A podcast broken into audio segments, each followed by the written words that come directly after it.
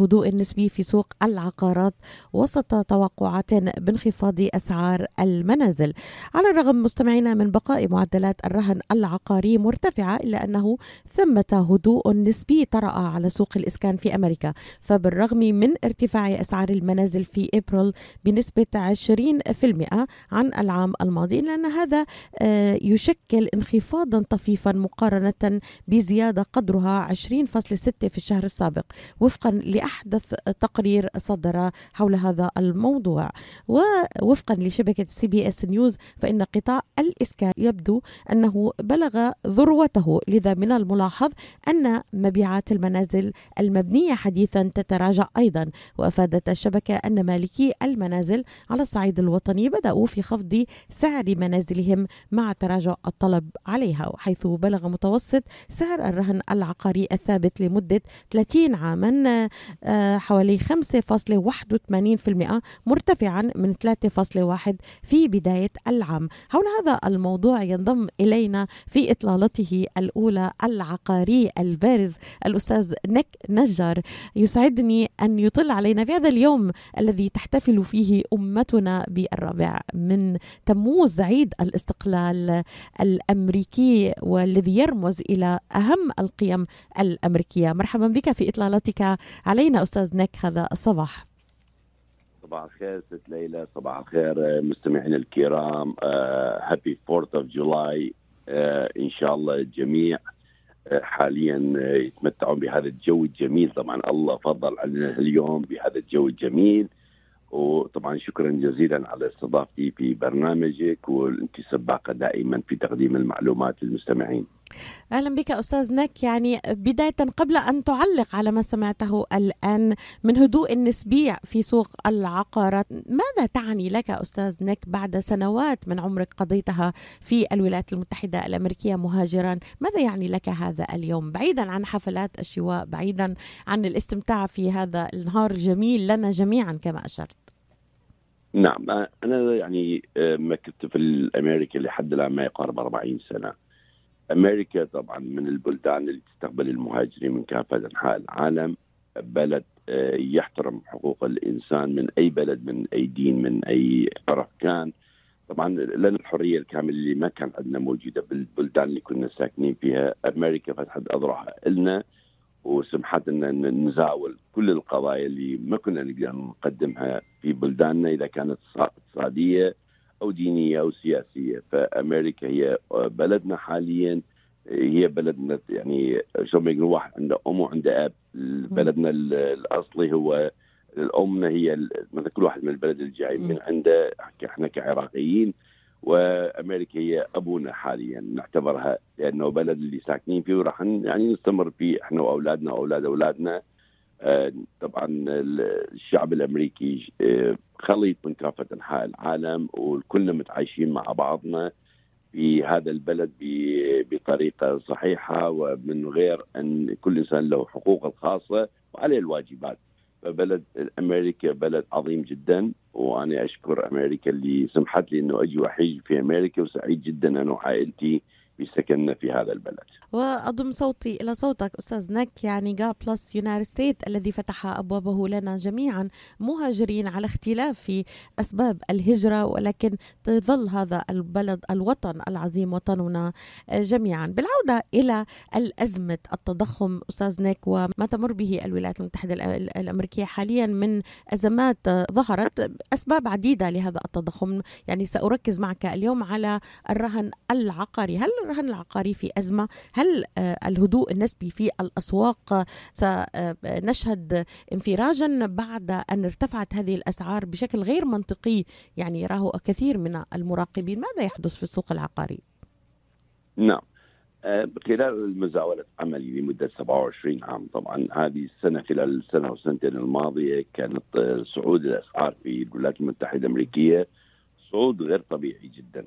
الكثير من الناس يعني اللي كانوا يقدرون يشترون بيت بمبلغ معين في السنة الماضية كان صعب جدا على الناس يشترون.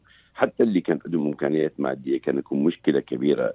عندما كان ينزل بيت بالسوق فكانت تتقدم عليه عروض كثيرة والأسعار كانت ترتفع.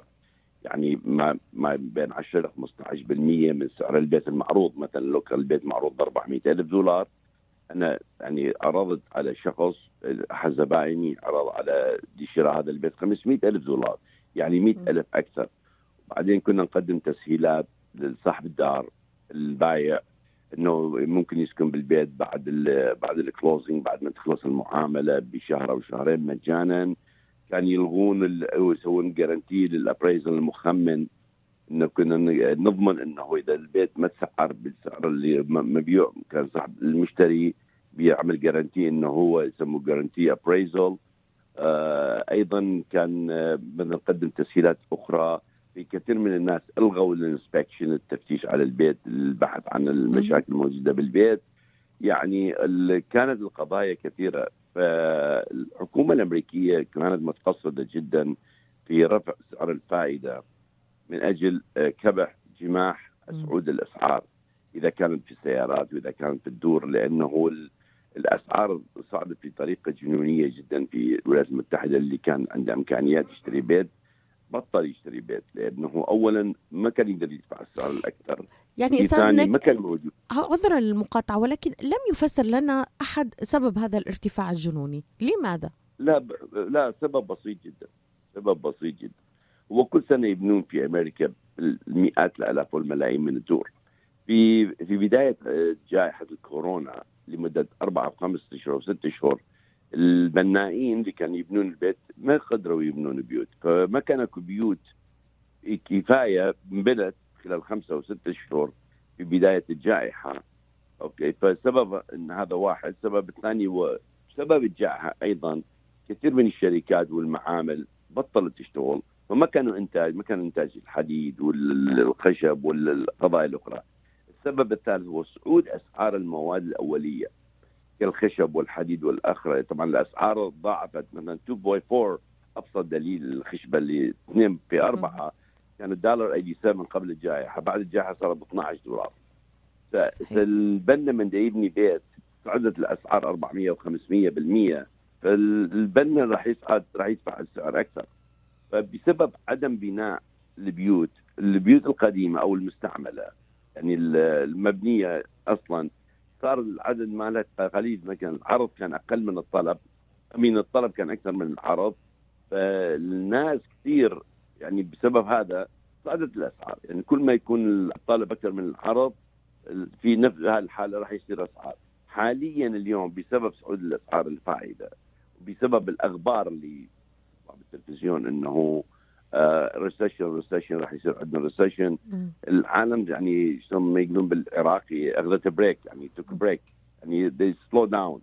uh, فحاليا إحنا نلاحظ في الفترة الأخيرة uh, إنه البيوت كانت تنعرض وتنباع خلال 24 ساعة أو أقل من 24 ساعة باسعار أكثر.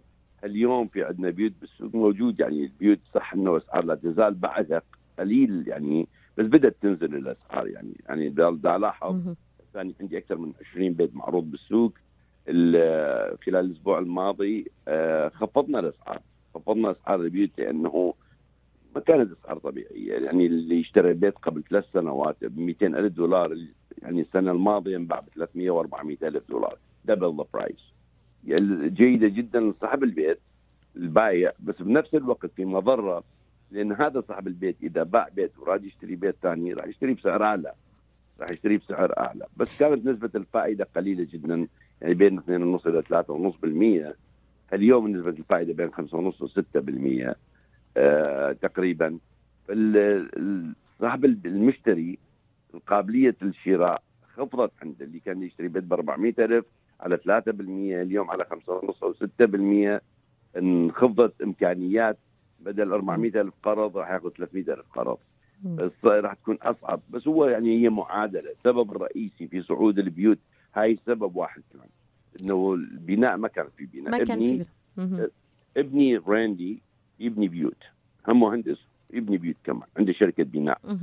آه سبب من الأسباب الثانية بصعود الأسعار الأيدي العاملة. كان مشكلة في الأيدي العاملة. لا تزال طبعا. أي مشكلة صحيح. في الأيدي العاملة. صحيح. اكو انخفاض عددها يعني في قلة الأيدي العاملة. حتى شركات الطيران سبب المشاكل اللي هو قلة الأيدي العاملة والموظفين. السبب الثالث هو صعود أسعار آه، رواتب العمال. إحنا اليوم في ماكدونالدز كانوا يدفعون 5 دولار بالساعة. اليوم ماكدونالدز بيدفع 15 دولار بالساعة. فصاحب العمل راح يضطر إلى رفع أسعار المواد اللي يبيعها أو البضاعة اللي يبيعها. ليش؟ لأنه حتى يسدد الأيدي العاملة. هذا هي عدة أسباب من أيدي العاملة. أسعار صعود الأيدي العاملة آه، صعود أسعار المواد قلة العمال وتوقف بناء خلال خمسة أو ستة أشهر في عملية البناء أدت إلى نقص كبير في كل كل القضايا خدمات في أمريكا حاليا يعني قليلة جدا يعني خدمات غير جيدة جدا. يعني كان الخدمات معروفة في أمريكا لما تروحين إلى مطعم أو تروحين إلى محل أو شركة أو أي شيء كان الخدمات ممتازة في أمريكا. صحيح. اليوم الخدمات ضعيفة جدا.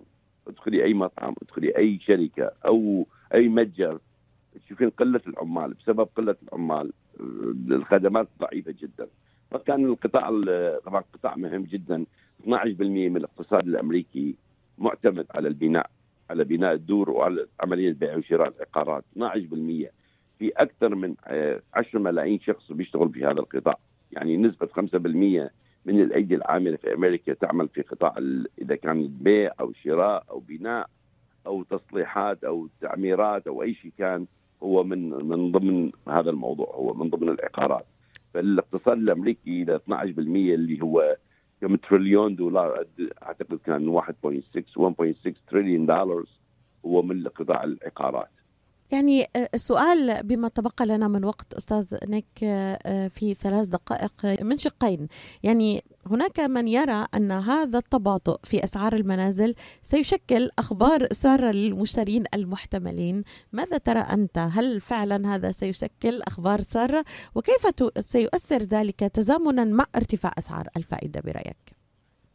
أنا أنا ما أعتقد إنه أسعار الفائدة يعني اللي يريد يشتري بيت اليوم اللي كان يدفع 400 ألف امبارح اليوم راح يدفع 375 ألف مثلا. فصعود أسعار الفوائد راح تعوض عنها نزول أسعار البيوت. يعني إذا أنت كنت تشترين بيت ب 300 ألف دولار وتدفعين 3% أوكي إذا اليوم صعد نسبة الفائدة 5.5% أو 6% ونزل سعر البيت إلى 300 إلى 250 ألف دولار. فللمشتري ما راح تأثر كثير. أي واحدة نقطة. النقطة الثانية احتمال خلال سنة أو سنتين. احتمالات. طبعا هاي كل شيء احتمالات. إحنا خلال عملنا خلال 27 سنة أنا اشتريت بيت في 1987 بامريكا كان نسبة الفائدة 18% وأنا شفت 2.5% في نسبه الفائدة خلال الفترة هاي. فاحتمال بعد سنة وسنتين تنخفض أسعار الفوائد. احتمال تنخفض أسعار الفوائد يعملون refinance كثير من الناس بيعملون refinance إعادة جدولة الفوائد مرة ثانية. فاللي يشتري اليوم بس هي أنا أنا أعتقد المشتري راح يكون أحسن مما يكون للبايع لأن المشتري راح يكون عنده مو بس اسعار البيوت اللي موجودة اختياره موجود عدد من البيوت أكثر حتى يختار البيت. خلال الفترة الماضية خلال السنة الماضية الشخص كان يعني يتغاضى عن كثير من المشاكل بالبيت لأنه ما كان موجود البيت صار كثير من الناس إنه غيروا رأيهم من شراء البيوت لأنه ما كانوا يقدرون يحصلون على البيت اللي إذا المنافسة على العقارات تراجعت بحسب ما ما قلت الآن بسبب نعم. ارتفاع تكاليف الرهن العقاري والمنازل ذات الأسعار المرتفعة بما يصب في مصلحة المشتري الجديد. هيك بنعطيهم بشرى سارة بيوم الاستقلال أستاذ نك. نعم صحيح كلام صحيح 100% أشكرك. وأنا متوقع أنا متوقع إنه راح يصعد الانترست بهذا الشهر أيضا مرة أخرى حسب التقارير الاقتصادية إنه الحكومة الفدرالية راح تصعد خلال July 15 على أساس إنه another quarter point يعني ربع نقطة من الفوائد. كل ما تصعد الفوائد كل ما قابلية الشراء تضعف كل ما كمية الفلوس اللي راح يحصلون عليها تكون أقل فبالحالة أنا توقعي أنه راح يكون يعني خلال هذا الشهر أنه راح تكون أكثر بيوت موجودة آه، بالسوق من ما كان قبل ستة أشهر أو ثلاثة أشهر. أشكرك جزيل الشكر العقاري البارز الأستاذ نك نجار على هذه الإضاءة. نعد مستمعينا أن نعود معك إلى تاريخ الرهن العقاري في الولايات المتحدة الأمريكية. نحن لا نعرف التاريخ يعني كان هذا الفائدة كانت حوالي 6 بوينت حسب ما قرأت أستاذ نك لكن نعود معك إلى التاريخ. أنت آه، عقاري من منذ أكثر من 40 سنة صحيح؟ لا 27 سنة. 27 سنة. 40 سنة في أمريكا. في أمريكا. 40 سنة 27 سنة عقار. نعم. نعود معك إلى طرق هذا الموضوع مرة أخرى أستاذ نك ونقرأ التاريخ حول آه، الرهن العقاري وتأثيراته عبر التاريخ. وصولا إلى اليوم أشكرك جزيل الشكر كل عام لا إن شاء الله الحلقات القادمة نقدم برنامج مقترح أيضا برامج أخرى عن العقارات التجارية وليس السكنية فقط. أنا اختصاصي عقارات تجارية وسكنية. ممكن هذا طبعا يأثر على الناس أكثر لأنه المبالغ المتداينة من البنوك تكون أكبر. وممكن نحكي عن العقارات التجارية أيضا بالحلقات القادمة إن شاء الله. بالتأكيد. شكرا لك كل عام وأنت بألف خير وأمريكا بألف خير آه، وجميع شكرا جزيلا. happy Fourth happy Fourth of July for everybody guys you know إن شاء الله يكون يوم سعيد للجميع. شكرا لك وأنا شكرا لك أيضا تحياتي لك أستاذ نك نجار. كنت معنا في هذه الإضاءة.